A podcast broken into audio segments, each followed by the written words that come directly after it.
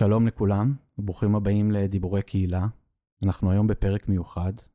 קראנו לזה, אני וענווה, דיבורי קהילה מתגייסים, או מגויסים, כל הזמן התווכחנו על זה. וזה בעצם סדרת פרקים שאנחנו עושים בפודקאסט לאור המצב הנוכחי. חלק מהם שאנחנו uh, מדברים ומנגישים לכם את הידע, וחלק uh, שאנחנו מארחים אנשים. אז היום יש לנו את ההזדמנות, פעם שנייה פה בפודקאסט, לארח uh, אישה שאני מאוד מאוד אוהב, דוקטור שרה לשדמי. עוד מעט אני אציג לכם על מה נדבר. Um, ואני רוצה להגיד, לפני שהיא תציג את עצמה קצת, היא לא אוהבת להציג את עצמה, נכון?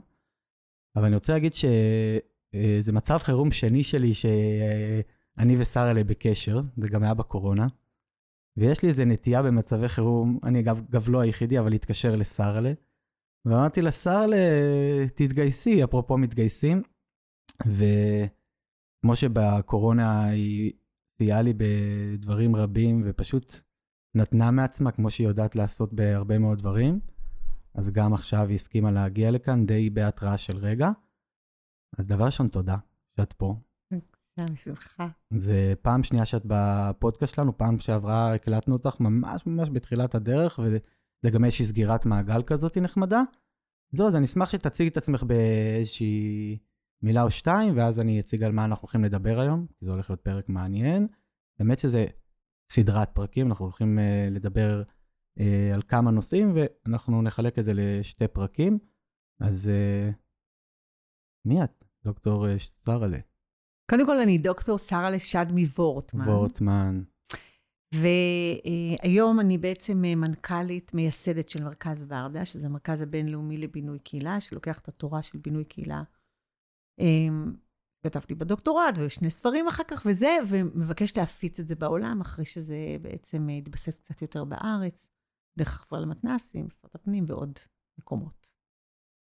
מהמם, ובעצם מרכז ורדה, ויותר נכון גם אולי את, בעצם כאשר התחילה הלחימה עכשיו, התחילה חרבות ברזל, בעצם uh, התחלתם לייצר uh, תוכן אקטואלי ורלוונטי בהקשר של uh, בינוי קהילה, ואני הייתי בוובינר הראשון שעשיתם, ושתוך כדי כבר אמרתי אין מצב שאנחנו לא ננגיש את זה בעוד פלטפורמות, ואנחנו נדבר היום קצת על, ה... על הסיפור של קהילה ובינוי קהילה ב... במלחמה. בפרק הראשון אנחנו נדבר על המצב של קהילה במלחמה, נאפיין קצת את המצב חירום ונדבר על ההנחות מוצא שמהם נצא לדרך. ובפרק השני אנחנו כבר ניכנס קצת יותר לעומק ונדבר על עקרונות הפעולה um, לבינוי קהילה בחירום או בשגרת מלחמה. Um, וזהו, אז דבר ראשון, צר אולי, אולי נתחיל בלאפיין קצת את המצב כמו שאת תופסת אותו. כן, אז בואו uh, רגע נדבר על מה זה אומר אה, להיות במצב חירומי. אני רוצה להתחיל דווקא מ- מרמת הפרט, ואחר כך אנחנו נעבור אליו לרמת הקהילה, כי אנחנו נראה שיש לזה השפעה הדוקה אחד על השני. אז כשאני מדברת על מצב הפרט, מה שקורה לנו במצב חירום, זה שקודם כל הדבר הראשון שקורה זה שיש פירוק של כל המימדים שנותנים לנו איזושהי ודאות. ודאות במובן השגרתי של המילה, מרמת ההתנהלות היומיומית, התפקיד. שלי, המקצוע שלי, שגרות המשפחות שלנו, אה, שגרות החיים מחוץ למשפחה שלנו. כל הדבר הזה בעצם מתמוטט באותו רגע, הוא נשבר. והשבירה הזאת בעצם יוצרת איזשהו ערעור מאוד גדול, שמתווסף על המצב הקיצוני שאנחנו נמצאים בו עכשיו, שזה חוסר ודאות ואי בהירות. אנחנו לא יודעים אפילו מתי תהיה האזעקה הבאה. ואנחנו לא יודעים, גם באזורים שאין אזעקה, אנחנו לא יודעים אם תגיע אזעקה, אבל אנחנו כל הזמן בדריכות. מישהו אמר מאוד יפה, אה, שבמצב כל כך קיצוני של אה, מתח, שהאי ודאות מכניסה אותנו אליו, כל רעש, כל הרעשים, תמונות שאנחנו רואים, מקבלים משמעויות אחרות, כי אנחנו בעצם בדריכות אינסופית. האי ודאות הזאת היא לא, היא יושבת עליה גם מצב סיטואציה מאוד קיצוני של אה, סכנת חיים. אני רוצה להוסיף לזה שאת התמונות שלכולנו יש בראש, שהנורא מכל כבר קורה, והוא יכול לקרות. זאת אומרת שהדריכות והאי-ודאות הם מלווים בחשש מאוד מאוד גדול ובפחד קיומי ברמות הכי בסיסיות. סיוטי חיינו התרחשו. על זה, כשאני מחברת את הכל ביחד, ויש שם איזושהי רמה שאני לא מכירה את עצמי, אני לא בטוחה שהייתי אי פעם במצב קיצוני כזה, יש מבוכה נורא גדולה. המבוכה נובעת מזה שאני גם לא מכירה את עצמי, וגם אני לא, כשאני יוצאת למרחב הציבורי או המשפחתי, או מחוץ לעצמי, אני נבוכה פתאום לא להיות אני, או פתאום לבקש עזרה כשאני מתביישת במהלכים כאלה. בנוסף על זה, שזה נובע מזה, זה מערכת של לחצים מאוד גדולה. לחצים אישיים שנובעים מפער בין מה שמצופה ממני ומה שאני מרגישה לפעמים שאני יכולה לעשות. אז זה בעצם רמת הפרט. נכון. ועכשיו, אם לוקחים את כל זה, תדמ... אפשר לדמיין ביחד, דניאל, רק תדמיין שקהילה שלמה שמורכבת מהמון פרטים שבה, חווה את הדבר הזה.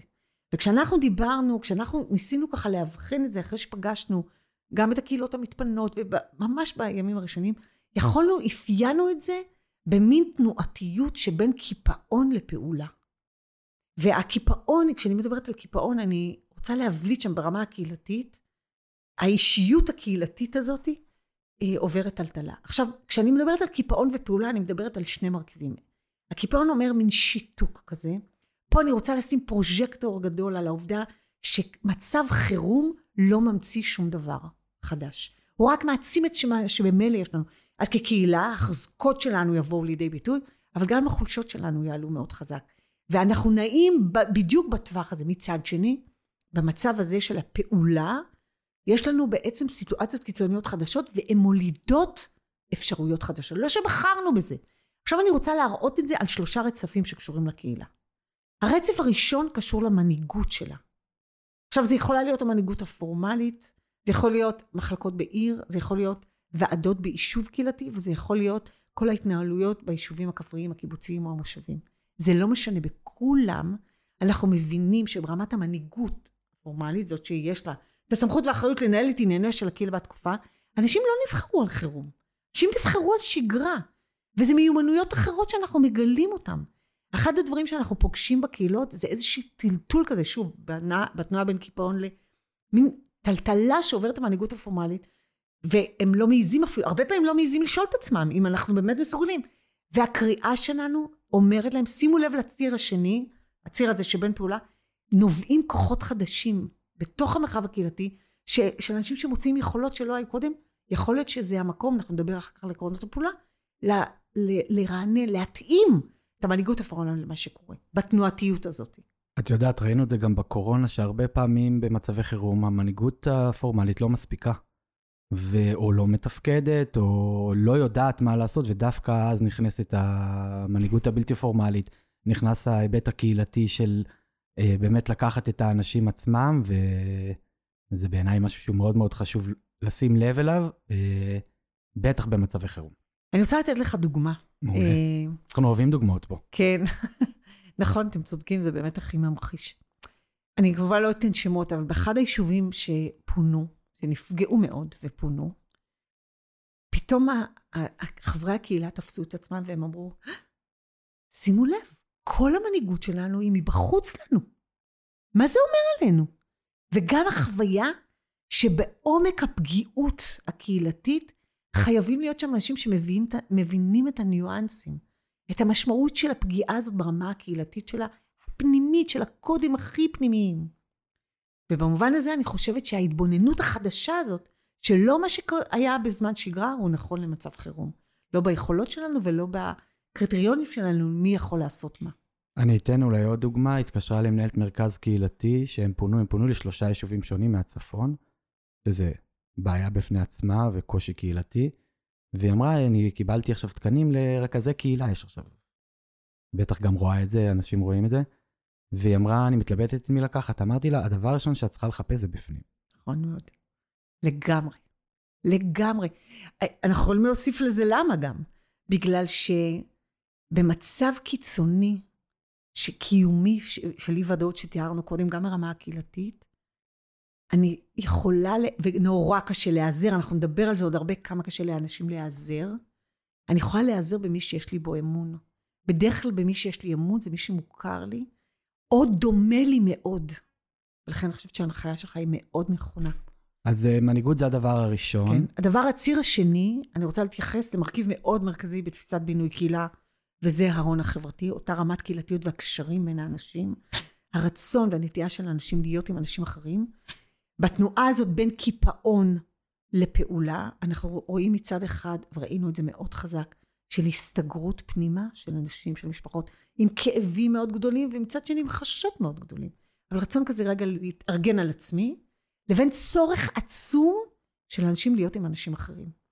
לקבל פרופורציות, לראות אם זה, שמה שאני עוברת זה גם קורה לאנשים אחרים, להיות עם דומים לי במובן החירומי שלו, במובן של חרדות. ולכן המתח הזה, הפעל, שאנשים נעים בו, אנחנו נראה איך קהילה, בתוך קהילה יש לזה השפעה מיידית. בין הסתגרות מאוד גדולה לבין רצון מאוד גדול לצאת החוצה, ואנחנו תכף נראה מה הקהילה עושה עם הדבר הזה. שוב, זה לא רק בעיה, זה הזדמנות יוצאת דופן. אני אגיד שאפילו, למרות שאני מהצד, כי אני במילואים, אבל ראיתי אה, הרבה מאוד משפחות שפשוט התפנו לאיזשהו יישוב, למקום, ולאט לאט הם הבינו שאולי הם טעו כי הם לא נמצאים ליד ההון החברתי שלהם, לא ליד הקהילה, וסבבה שאולי יש משפחה, אבל התחיל להיות חסר להם, ולאט לאט אתה מתחיל לראות את זה גם שהקהילות, יש לנו ידידה טובה ששנינו מכירים, נועה אשר ברקלי, שקהילה בשדרות.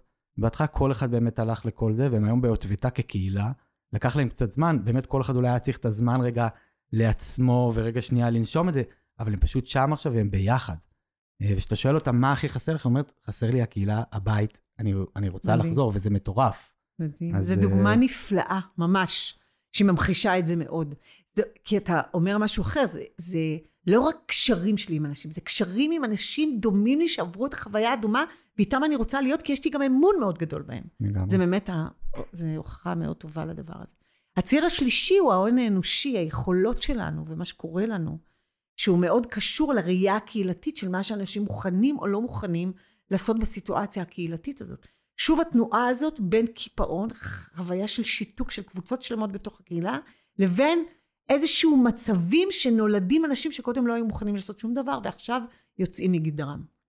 כל הדבר הזה יחד בעצם מראים לנו להנחתה. לא בחרנו בסיטואציה, אבל אנחנו יכולים למנף אותה. ובמובן הזה אני רוצה רגע לתת על, על הגדרת הבעיה ששמנו אותה, כי שמנו אותה דרך הראייה הקהילתית, אני רוצה להתייחס לדרכי הפעולה. לא לדרכי הפעולה, אבל להנחות היסוד, שאחר כך נתרגם אותן לדרכי פעולה. מה הם הנחות היסוד שיושבות מאחורי הדבר הזה? בסדר? מאחורי הרצון להיענות לאתגר הקהילתי הגדול של קהילה במלחמה. לפני זה אולי תגידי רגע, שרה, כי את כן דיברת על זה באיזשהו וובינר שהייתי, אבל עכשיו בעצם אפיינת את ההיבט הקהילתי, ואולי עוד לפני הנחות היסוד, מה בעצם צריך אה, לקרות כרגע? את ממש דיברת על... נכון, אה... אנחנו נדבר על זה בעקרונות. אוקיי. אנחנו נדבר, כי מה שאתה מתייחס אליו זה בעצם שלוש תקופות שאנחנו צריכים לראות איך אנחנו עוברים דרכם, שקהילה מתמודדת, אבל גם העיקרון הזה שצריך לאבחן איפה הקהילה נמצאת, ובלי אבחונים מדעיים גדולים מדי, פשוט המנהיגות, אם האנשים ומנהיגי הדעה מסביבם יוכלו לעשות את זה אז, בקלות. אז בואו נדבר אז על הנחות היסוד. אז בואו נדבר על הנחות היסוד של קהילה בחירום, קהילה במלחמה קראנו לזה. אני רוצה להתחיל עם ההנחה הראשונה. ההנחה הראשונה כתשובה לכל מה שתיארתי קודם כבעיה, היא הצורך ליצור שגרת חירום, שרק הצמד מילים הזה הוא מאוד מאוד בעייתי, או מאוד טעון בכשעצמו. כחירום זה משהו שהיינו רוצים שיגמר מאוד מהר, ואנחנו רק מחכים, ובעיניי באמת יש אנחנו בחרנו לא לדבר על קהילה בחירום, החלטנו לדבר על קהילה במלחמה. בגלל שהחירומיות, קודם כל היא מוגבלת באנרגיות שלה, ודבר שני, מלחמה היא מחייבת את זה. נכון, בדיוק. הוא אירוע אחר, הוא גם חיצוני לנו מהרבה סיבות, אבל במובן הקהילתי, זה אומר שאנחנו צריכים להתארגן מחדש. גם המילים שאני אומרת עכשיו להתארגן מחדש, הם בערבון מוגבל. אנחנו נראה אחר כך בעקרונות הפעולה, אנחנו רק, אני רק מחברת את זה, איך אנחנו ננסה כל הזמן להיצמד למסורות הפנימיות, לעוגנים הפנימיים שקיימים, ולא נרצה להיות בלטרוף את כל הקלפים. כי אנחנו לא רוצים לייצר עוד אי ודאויות. אז במובן הזה ההתאמה של שגרת חירום לקהילה במלחמה היא מכוונת ליצירת ביטחון. זאת אומרת, איך אנחנו יכולים לקחת את מה שהיה, אנחנו נראה את זה בעקרונות הפעולה, ולנסות להתאים אותם למצב הקיים, כדי לשמר אותם ולא להזיז אותם, לא לטלטל אותם. שוב, המטרה שלנו ביטחון לקהילה, ביטחון לאנשים שמה שהיה הוא שיהיה במובנים שמאפשרים קיום של כוח. אנחנו ניכנס לזה לפרטים. אבל רגע לגבי הנחת היסוד הזה, הנחת יסוד אומרת שהקהילה צריכה לייצר לעצמה את הביטחון הזה, או הרשויות, האם ביחד? אנחנו, אה, גם על זה נדבר בעקרונות הפעולה, אני נורא שמחה שזה ממש מוביל לזה כבר. אני כבר אגיד את השורה התחתונה. קודם כל הקהילה עם עצמה, כי היא מכירה את עצמה הטוב ביותר.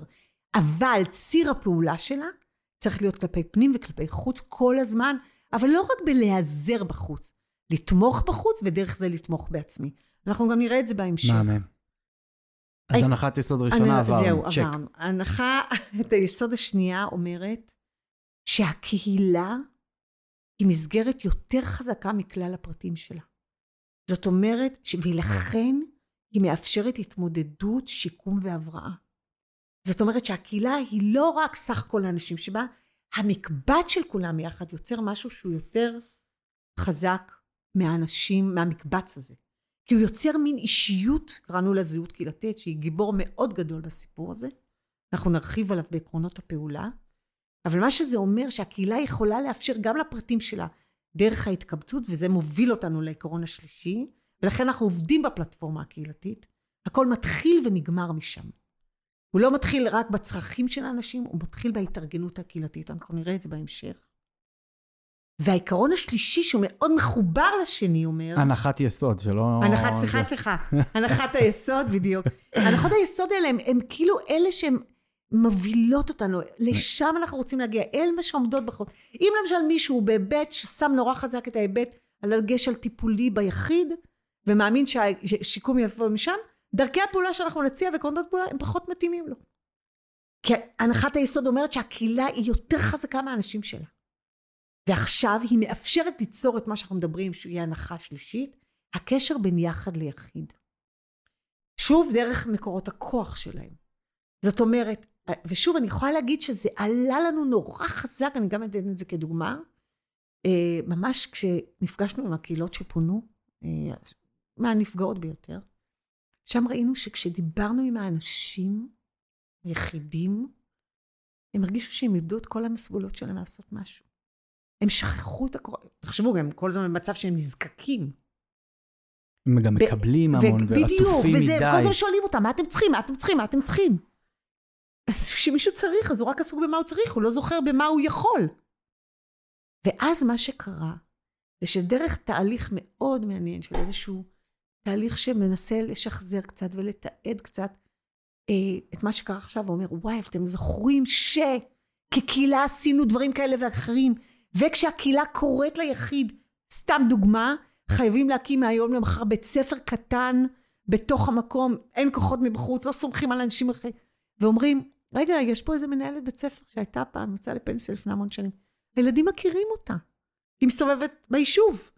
ואולי היא יכולה לקרוא לאישה שאיבדה עכשיו בן משפחה קרוב. להיות שם זה בעצם להוציא אותה מאזור הנזקקות לאזור התמיכה שהיא נותנת. מנעזרת לעוזרת, אנחנו נראה את זה גם כעקרון. ולייצר לה משמעות. ואז, דרך העובדה שהיא בדיוק מה שאמרת, היא מייצרת לעצמה תחושת משמעותיות, מי אני בעולם, ושאני לא רק נצרכת. חזרתי עכשיו למעגל הקהילתי שלי, עם הכוחות שלי, אני מחזקת את היחד, כי היחד אומר, וואי, אנשים באמת רוצים להיות פה חלק, אחרי שקראנו להם. כמו שאמרנו כבר בעולם הקהילה, אני רק רוצה להראות לכם כמה כל מה שנכון בשגרה הוא רק מועצם. אנחנו תמיד אומרים, אל תגידו מי רוצה להתנדב, נכון? בבינוי קהילה. אומרים, תפנו לאנשים ותגידו להם, וואי, זיהינו את ההון האנושי שלכם, אתכם אנחנו רוצים. וזה בדיוק מה שנעשה שם. ואז היחד אומר, וואו, אנשים רוצים, מאמינים ביחד הזה. ואז זה שוב מחזק את היחד ומחזק את היחיד. אז זה ציר שמאוד קשור אחד לשני, אנחנו נראה איך עקרונות הפעולה ודרכי הפעולה בעצם מעודדים את זה ובונים על ההנחה הזאת. אני רוצה להגיד שזו הנחת יסוד מאוד חשובה, לפחות עבורי, כי הרבה פעמים יש איזו נטייה להגיד, יש את הפרט ויש את הקהילה, בטח בעבודה סוציאלית, שאני מגיע מהעולם הזה, ולהסתכל על זה כפריזמות שונות. אחד הדברים שלמדתי דרך דווקא המושג חוסן, זה שיש רמות של חוסן, וגם למדתי דרכך.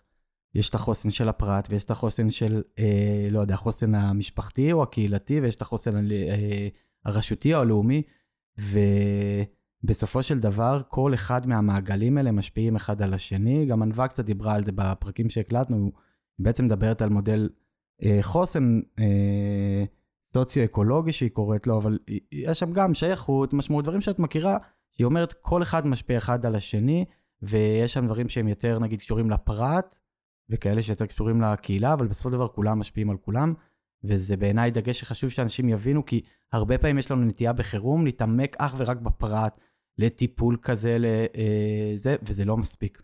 זה לא משנה כמה תיקח עכשיו את הפרט ותעבוד איתו, אה, אם אתה לא תדע גם לעבוד עם הקהילה, עם המערכות, בעיניי, שוב, אבל מותר לי, כי אני לא הכי אובייקטיבי, אבל אנחנו, אנשים יפספסו. ו... נכון, במיוחד שאנחנו נראה, אם אתה רוצה לעבוד על היחיד דרך תפיסת הנכסים, ואז הקהילה היא כוח. וזה אמרת גם מקודם, הלקוחות. כן, הלקוחות, הלקוחות. אי אפשר ליצור כוח לקהילה דרך העיסוק כל היום בחולשות שלה, ובמה היא צריכה, במה אין לה. היא חייבת להיות, כי בסוף היא נשארת שם, אז זה חייב להיות מחובר לכוחות שהיא יכולה להוציא מעצמה. מהמם. אני רוצה לעבור להנחה האחרונה שקשורה לזה, והיא קשורה באמת למה שעכשיו ציינת קצת, זה שבדרך כלל כשאנחנו מדברים על חוסן קהילתי, ואנחנו מדברים בעצם על רצון בזמן שגרה להכין לחירום. אני רוצה להציע אלטרנטיבה, או עוד אופק, אני חושבת שזה אופק מאוד חשוב משגרה לחירום, אבל אני רוצה להציע אופק אחר שמראה איך חירום היא אפשרות לחזור לשגרה הרבה יותר חזקה ממה שנכנסנו אליה, לחירום. ואנחנו נראה את זה דרך עקרונות הפעולה, אבל בעצם, א', לא להתייחס לתקופת החירום כזמן אבוד, שתיים, להתייחס לחירום כאפשרות לחזור לשגרה יותר טובה. ובמובן הזה זה אומר שאנחנו מתייחסים לחירום דרך עיני השגרה, העתיד שיהיה. מה אנחנו, אנחנו, בעצם באופן פרדוקסלי, מה שאני אומרת פה, שבזמן חירום, שוב, אני לא רוצה לדבר כל כך על חירום, אלא על מצב מלחמה, כשאנחנו נראה שיש בו כמה תקופות, יש לנו הזדמנות לחשוב על הקהילה הראויה שלנו. אנחנו נדבר על זה שוב ושוב ונראה, ואז בעצם ליצור את העובדות כבר עכשיו, לקוחות שמתגלים עכשיו, כשגרה שתהיה אחר כך. זה מעולה מה שאת אומרת, כי אני הרבה מדבר על זה בהקשר של אה, גם חוסן או קהילה וכאלה, שאנחנו הרבה פעמים כאנשי קהילה אנחנו רואים את המשפט, אה, אה, בעצם קהילה נמדדת דווקא בשגרה ולא בחירום, ותשקיעו כמה שיותר בשגרה, אבל מה לעשות, אנחנו גם צריכים לחבר את זה למציאות, והמציאות היא שבסופו של דבר אה, לא מספיק מקדישים לזה את הזמן, והרבה מגיעים למצבי חירום או מצב מלחמה, וכזה, אוקיי, אכלנו אותה. אבל בעצם יש פה, כמו שאת אומרת, הזדמנות. זה מזכיר לי, אגב, מאחר ואני גם בעוונותיי עכשיו קב"ן, אה, וגם יש לי אח שמדבר לא מעט על המושג הזה, על, על צמיחה פוסט-טראומטית. זה ממש מזכיר את המקום הזה על איך מתוך הטראומה, מתוך הכאב, דווקא אתה יכול לצמוח. עכשיו, זה יכול להיות ברמה הפרטנית, אבל לגמרי זה יכול להיות בהקשר הקהילתי, ואני חושב שמי שיתפוס את זה, ככל שיתפסו את זה יותר מהר, אה, ויבנו את זה, כמו שאמרת, על בסיס ההנחות הישות, ואחר כך גם על בסיס העקרונות שנדבר עליהם בפרק הבא, זה priceless. לגמרי, וזה ביטוי מקסים. מישהו אתמול אה, בזום שעשינו למרחב הכפרי תיאר אה, שדה חרוך, אה, ושיוצא ממנו ניצן. עכשיו תחשבו שאפילו על התמונה הזאת, שאם זה בעציץ קטן, ויש רק אה, עציץ אחד, אז אפילו אין לי הקשר. אבל אם אני בשדה חרוך, ואז פתאום יש שם ניצן קטן, ירוק, שצומח, ואני עוד לא החלטתי אם אני יוצא מהאדמה ואני מסתכל עליו, אני מקבל כוח. תחשבו רק על ההקשר של השדה מול העציץ, בשביל להבין איזה כוח יש לקהילה אה, מהשגרה שלה, מה היא יכולה לקחת כדי ליצור בחירום שגרה מחודשת, אה, חזקה יותר. מהמם, אז אנחנו באמת מתקרבים לסיום הפרק הפותח שלנו, שהוא באמת קצת לתת את הקונטקסט ולדבר על הנחות היסוד. אה, עוד משהו שאת רוצה להגיד בהקשר הזה, שרה, ככה לפני שאנחנו כן, מעבירים את כולם כן. אה, לפרק הבא, שיראה קצת יותר לפרקטיקה של העקרונות? אני אשתמש במשפט שאתה אמרת לי לפני שהתחלנו לדבר, על זה ש... אה, זה שאני אומרת בינוי קהילה וקהילה וקהילתיות, אי אפשר להניח שכולם אומרי, אה, מבינים. אז אני רק רוצה להגיד מילה על זה, על התפיסה הזאת שאני מביאה אותה, שבינוי קהילה אה, מבוסס על נושא הקהילתיות ועל נושא ההון החברתי. וקהילתיות היא אותה יכולת של החברים, של השחקנים בתוך המרחב הקהילתי, ליצור גאוות יחידה סביב משמעות של הזהות הקהילתית, שמבוססת על ההון החברתי שבין האנשים. ולכן בעצם המרכיב הכי חזק שלנו זה הקשרים והיחסים בין האנשים. ומה שעושה בינוי קהילה, הוא בעצם בונה מסגרות שבעצם יוצרות את אותו ממש. והממש הזה, זה המשמעותיות, אנחנו קוראים לזה ממש היום, שזה משמעותיות, אמון, מחויבות ושייכות, הם המדדים הגדולים לקהילתיות גבוהה, שמתבטאת בכל מיני דפוסי התנהגות. אה, למשל, אני רק אגיד כמה מהם, כי יש לנו מדדים תחושתיים, אלה שנתתי לכם, ויש לנו מדדים יותר אופרטיביים. כשהקהילה חזקה, ואני כבר אומרת את זה לכל מי ששומע אותנו, אנחנו נראה כמה דברים בהתנהגות, כי אתם יודעים, תחושות לא רואים, אבל התנהגויות אנחנו רואים. אז אנשים מוכנים לתת יותר מהזמן שלהם. אנשים מאמינים יותר בשותפויות. והרמה הכי גבוהה, אולי נציין שתי רמות גבוהות, של קהילתיות ושל ממש גבוה, זה שאנשים חיים עם מי שחושב אחרת מהם, והם פיתחו בתוכם מנגנונים שמתמודדים עם קונפליקט, שהם אומרים לאדם, אתה יותר מאשר סך דעותיך. אתה חבר הקהילה שלנו? הכי חשוב. והרמה האחרונה היא הרמה של היזמות. אנשים יוזמים ומביאים רעיונות, כי ליזום בקהילה זה פחד נורא גדול. אז אם אני כבר יוזמת, זה סימן שהקהילה מתגמלת אותי לא על התוצאה, אלא על הכוונה. וזה בגדול בינוי קהילה שעליו נדבר יותר לעומק, על קהילה במלחמה. בפרק הבא, אני כן רוצה להגיד על זה משהו, כי זה מתחבר קצת אה, לשיחתנו שעלית, ואמרתי, מה, דניאל, אתה קב"ן וכזה? אני לא קב"ן שגרתי, אני קב"ן קהילתי. זה לא תמיד, אפרופו בין הפרט לבין אה, הקהילה. ומהר מאוד כשנכנסתי לתפקיד הבנתי שהסיפור, עם כל הכבוד לאיזה מענה אתה נותן, הוא, הוא הסיפור של החוסן. ואני התחלתי לחקור את זה בהקשר הזה, ולחבר בין המושגים שאני מכיר, שרובם מתבססים על ממש וקהילתיות, שזה קשור אלייך באיזשהו אופן. ומצאתי איזשהו מחקר, שאני תמיד, כשאני מדבר על חוסן, אני מדבר עליו, ואני רוצה רגע להקריא לך את זה, ובזה אולי נס... נסכם. במחקרים נמצא כי הגורם המשפיע ביותר על יכולת הקהילה להתמודד בהצלחה עם מצבי חירום, אינו עוצמת הפגיעה, רמת המוכנות או המצב הסוציו-אקונומי. סוד העמידות בפני, בפני שיבושים טמון בדפוסי יחסי הגומלין בקהילה המכונים הון חברתי. וזה גם, מצאתי את הציטוט הזה באיזשהו מסמך שמכון רעות והקואליציה לטראומה עשו, אגב, אחרי מלחמת לבנון השנייה לא עשו עם המסמך הזה כלום, זה עניין בפני עצמו, כי ממש נתנו שם אה, זה, וכאילו אני אשלח אחר כך גם את המחקר הזה, אבל אני חושב שזה מאוד מתחבר למה שאת אומרת, כי הרבה פעמים יש לנו איזשהו, למערכות איזושהי נטייה אה, קצת לזלזל בסיפור הזה של קהילה או קהילתיות, ובעצם מה שהמחקר הזה בא ומראה, בהקשר הזה, זה ההון החברתי, אבל זה יושב לגמרי על כל הדברים שדיברנו עליהם בפרק, זה, זה הסוד, זה המפתח. אתה מרשה לי לספר סיפור קטן מעולם אחר? ברור. על ההון החברתי? אני רוצה לספר סיפור מנפאל. אה, זו הרחקת עדות, אבל היא הוכחה כל כך חזקה למה שרק עכשיו אמרת. אה, אנחנו עבדנו בדרך ארגון תבל בצדק, אז ליוויתי את ארגון תבל בצדק, באזור מסוים בנפאל, על, אה, בכפר, שכמו רוב ארגוני העולם השלישי, הם הביאו או הון פיזי, מביאים חזירים, צינורות מים, זרעים, או טפטפות מישראל. טפטפות מישראל, או שעוסקים בהון האנושי, מכשירים אנשים לבריאות, ושם באמת עבדו עם קבוצה של חקלאים, באיזושהי חווה שבנו להם, ולימדו אותם לגדל אה, סוג מסוים של גידולים. אף אחד לא טיפל כמובן בהון החברתי, וכשהגעתי לשם, ובאמת אה, אה, הארגון הבין, ובאמת בגדולה גדולה, שצריך, שזה לא מספיק, הם התחילו לריב ביניהם. הם היו בחור בהרים, וכל אמצעי השיווק היו נורא קשים, ועוד לריב על זה, בכלל הם הפסידו בגדול. ואז, אה, כשאני הגעתי לכפר, גיליתי שאין שם שום תודעה קהילתית. זאת אומרת, איזה, אדם, אדם, אדם, הם חיים באותו מתחם, אבל... ואז התחלנו לעבוד איתם, בנינו מוסדות, אה, את ה-VCR, את ה-Village Community, שמחליט על, על פי קבוצות, לא משנה. ואז הייתה, אחרי שלוש שנים הייתה רעידת האדמה, או חמש שנים, הייתה רעידת האדמה בנפאל. עכשיו, הכל חרב. ההון הפיזי הלך, ההון האנושי, מה יכולת לעשות לבד בעולם הזה עם כל הידע הזה?